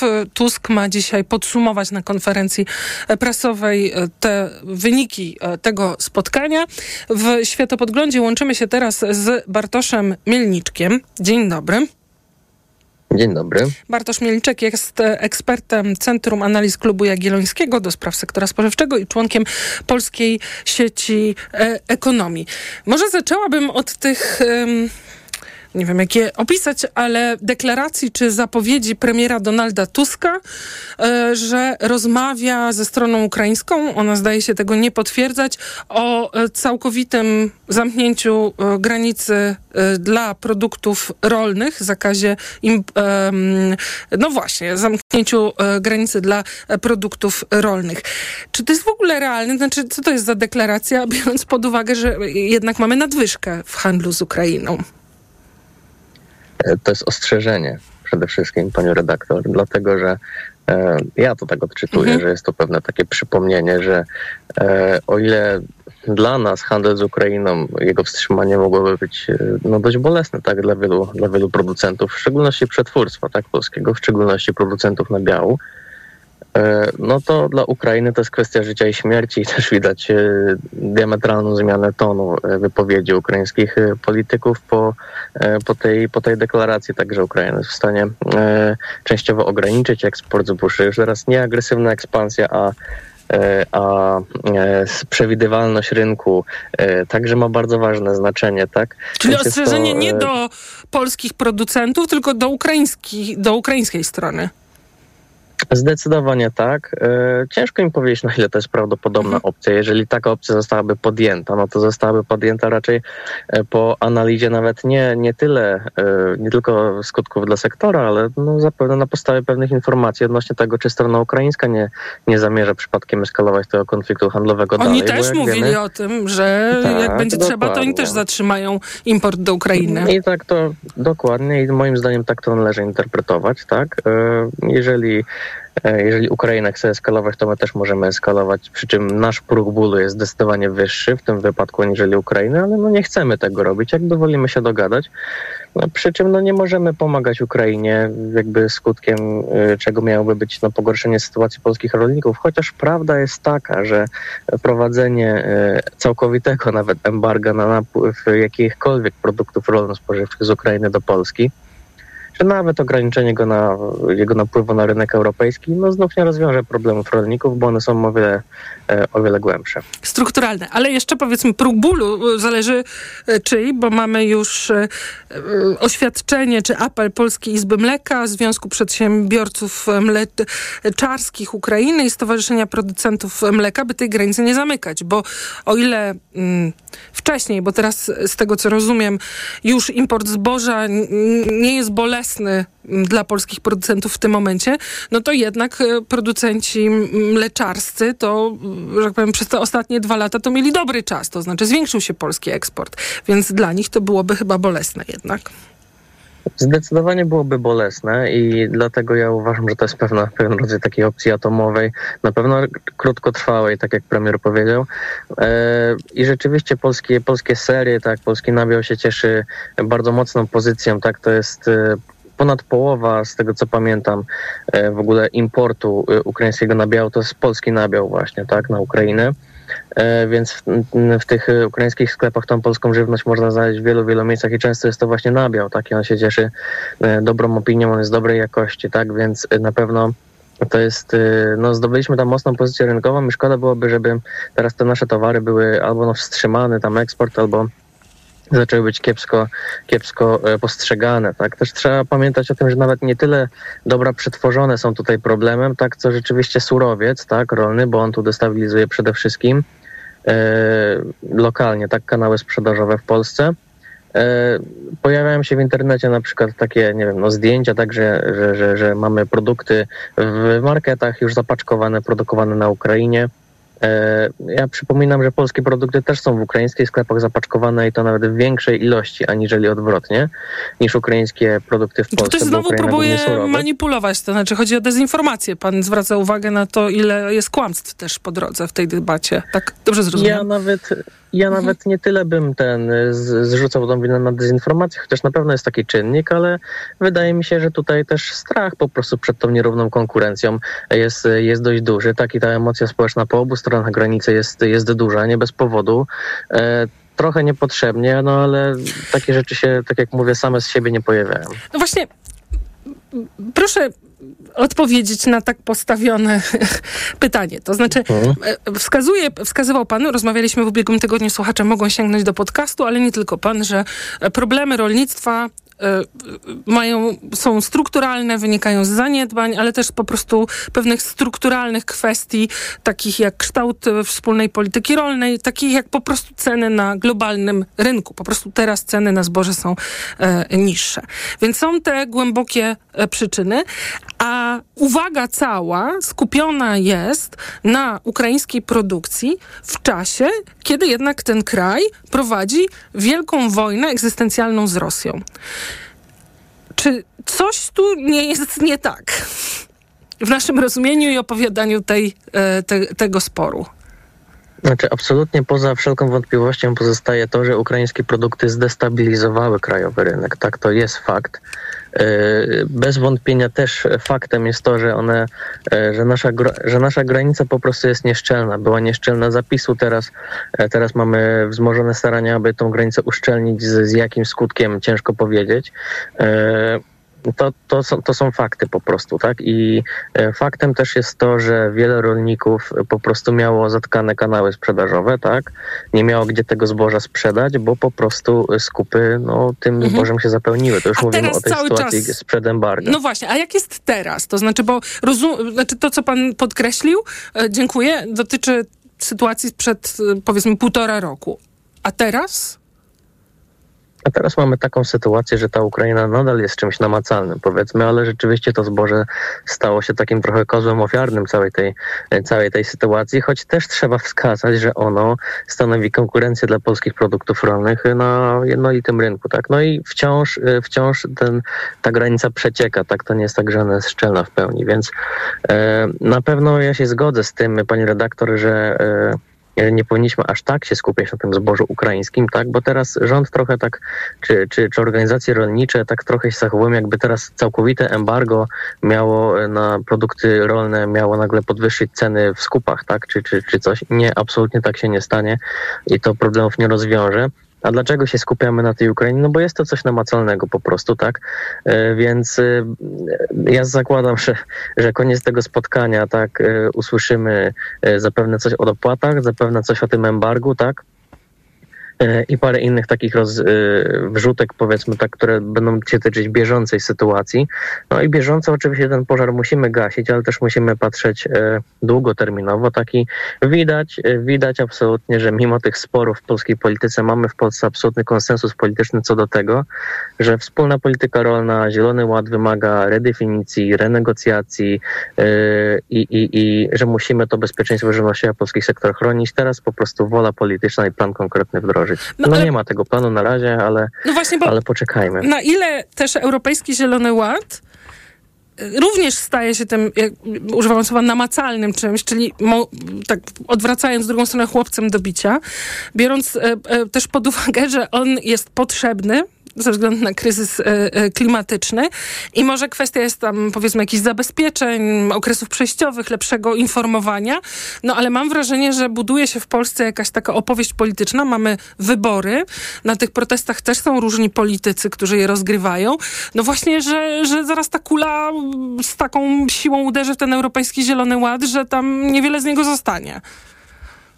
No, ciężko im powiedzieć, czy niewiele z niego zostanie i czy w ogóle coś, e, czy jakieś konkretne jeszcze kolejne ustępstwa, bo już Komisja Europejska mm, pojedyncze ustępstwa Tak. e, w sprawie tego Zielonego Ładu czyni względem rolników i, i dobrze.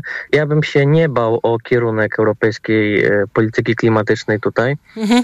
Raczej bym się bał o to, czy Komisja Europejska zadba o to, aby sektor rolno-spożywczy miał odpowiednie wsparcie we wdrażaniu tych wszystkich celów. Tak? No bo rolnik teraz widzi tak, z jednej strony, że spada mu opłacalność produkcji rolnej, z drugiej strony ma dodatkowe wymogi tak, związane z Europejskim Zielonym Ładem, które naprawdę są uciążliwe. Ale spada mu Dodatkowo opłacalność, tak jak pan mówił, z przyczyn bardzo strukturalnych i wymagających dużego namysłu ze strony polityków i decydentów.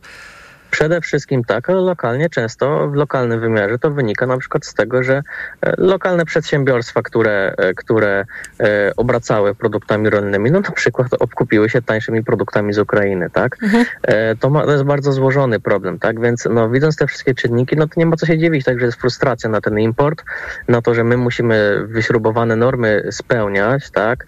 Mamy, mamy rzekomo konstytucyjne prawo zagwarantowane, że jesteśmy podstawą ustroju e, gospodarki rolnej w, w Polsce, a w praktyce musimy e, konkurować z korporacjami. Jesteśmy zostawieni sami, sami sobie. E, Dotacja nam się obniża, tak, ze względu na ekoschematy i to jest na takiej zasadzie, masz tam e, rolniku 20 czy kilkanaście procent dopłaty do hektara i sobie radź w tych wszystkich okolicznościach, tak. Więc, więc absolutnie zrozumiałe to jest, a że no, mamy resentyment taki antyukraiński, antyunijny, no to niestety... I wybory. O, no wybory i polityka, no. Niestety. Ale myśli pan, że to tak na koniec do czegoś doprowadzi? Na przykład myśli pan, że to spotkanie dzisiejsze będzie jakimś małym kroczkiem w kierunku szukania jakichś rozwiązań e, sensownych, wynegocjowanych i tak dalej? Znaczy ja myślę, że na pewno będzie krokiem, bo premier nie, nie zwoływałby takiego spotkania tylko po to, żeby sobie porozmawiać, tylko on na pewno już e, część Mhm. propozycji ma już, ma już opracowaną dawno, tak? To absolutnie nie zakładam, że, że, że tutaj część Mhm. jest propozycji konkretnych już gotowa. E, ja bym czekał jednak e, poza tym gaszeniem pożaru teraz, chciałbym usłyszeć, jaki jest e, pomysł na rolnictwo długoterminowe. No właśnie. Bardzo, bardzo dziękuję za rozmowę. Bartosz Mielniczek, ekspert Centrum Analiz Klubu Jagiellońskiego i członek Polskiej Sieci Ekonomii, e, był e, Państwa gościem.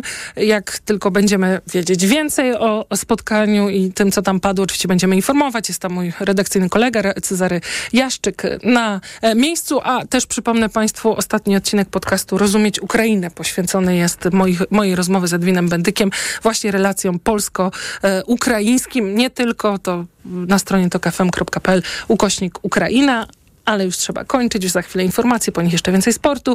Audycję przygotowali Szczepan Maziarek i Maria Andrzejewska, realizował Adam Szuraj. Światopodgląd. Reklama.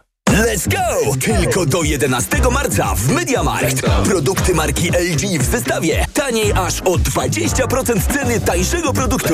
Łącz dowolnie dwa produkty i wybieraj sprzęt. Szczegóły w regulaminie. MediaMarkt. Jako dietetyk na wątrobę zawsze polecam Proliver, ponieważ zawiera składniki wspierające właściwą pracę wątroby. Często ze względu na dietę, wiek czy masę ciała zwracam uwagę na poziom cukru we krwi. Wtedy proponuję nowość Proliver Diabeto. Suplement diety Proliver Diabeto dba o wątrobę, a dodatkowo zawiera wysoką dawkę morwy białej, która przyczynia się do utrzymania prawidłowego poziomu cukru. Stosując Proliver Diabeto osiągamy obie te ważne korzyści. Proliver Diabeto, zdrowa wątroba i prawidłowy poziom cukru. Aflofarm. Wyciąg z liści garczocha wspiera utrzymanie zdrowej wątroby. Dziś na wyborcza.pl. O co chodzi w strajku rolników? Które zapisy z Zielonego Ładu tak ich bulwersują? Jak rozwiązać problemy magazynów zapchanych zbożem? I kto naprawdę odpowiada za zatkanie się rynku europejskiego? Podcastu słuchaj dziś na wyborcza.pl. Rodzinny posiłek to przyjemność. Dlatego kiedy starsza osoba ma problemy z apetytem, podaj jej Appetizer Senior. To suplement diety, który zawiera wyciąg z owocu kopru wspomagający apetyt i wspierający trawienie. Appetizer Senior. Aflofarm. Nazywał się Tadeusz Bukowy. W wieku 16 lat, w maju 1945 roku, został aresztowany, skazany przez Sowietów na pobyt w kolonii karnej, a następnie pracę w łagrach. Wrócił do Polski po ponad 10 latach. Jego historię znamy. Czy poznamy kolejne, zależy od ciebie. Przekaż 1,5% podatku Fundacji Ośrodka Karta i uratuj historię, aby nie zniknęła wraz z człowiekiem. KRS znajdziesz na stronie karta.org.pl. Mówił Antoni Dudek. Mega okazje w Media Expert, a do tego na produkty objęte promocją do 40 lat 0% i nawet do czerwca nie płacisz. RSO 0%. W aptece jest wiele produktów zwalczających objawy menopauzy. To który wybrać? Femitoninę, bo jej składniki wspierają w dzień i w nocy. Branie tabletek na dzień i na noc jest uciążliwe. Ale femitonina to tylko jedna tabletka na dobę stosowana wieczorem. W nocy wyciąg z szyszek chmielu wspiera utrzymanie spokojnego snu, a w dzień wyciąg z czerwonej koniczyny łagodzi uderzenia gorąca. Pewnie dużo kosztuje. Nie, tylko 25 zł za 30 tabletek. Suplement diety Femitonina. Jedna tabletka na objawy menopauzy. Aflofarm. Niedawno temu, ale tu i teraz blisko Ciebie żyją prawdziwi bohaterowie. Żyją krótko i szczęśliwie. Wspomóż podopiecznych Fundacji Warszawskie Hospicjum dla Dzieci. Podaruj 1,5%, by mogli żyć na 100%. Cześć, tu Ania z Plusa. Czy jesteście już gotowi na wymarzone wakacje? No wiem, że dopiero kończy się zima, ale u nas w Plusie wakacje można zacząć od zaraz. Wakacje od rat aż 6 miesięcy. Cieszcie się nowym Galaxy A25 5G. A o rachunkach pomyślicie jesienią. Fajnie, co? Wakacje od rat w plusie. Kup Samsung Galaxy A25 5G teraz, a pierwszą ratę zapłać za 6 miesięcy. Plus. Wchodzę na wagę i znowu przytyłam. I te napady głodu. Tak, Aniu. I chęć na batonika, i potem spadek energii, i senność.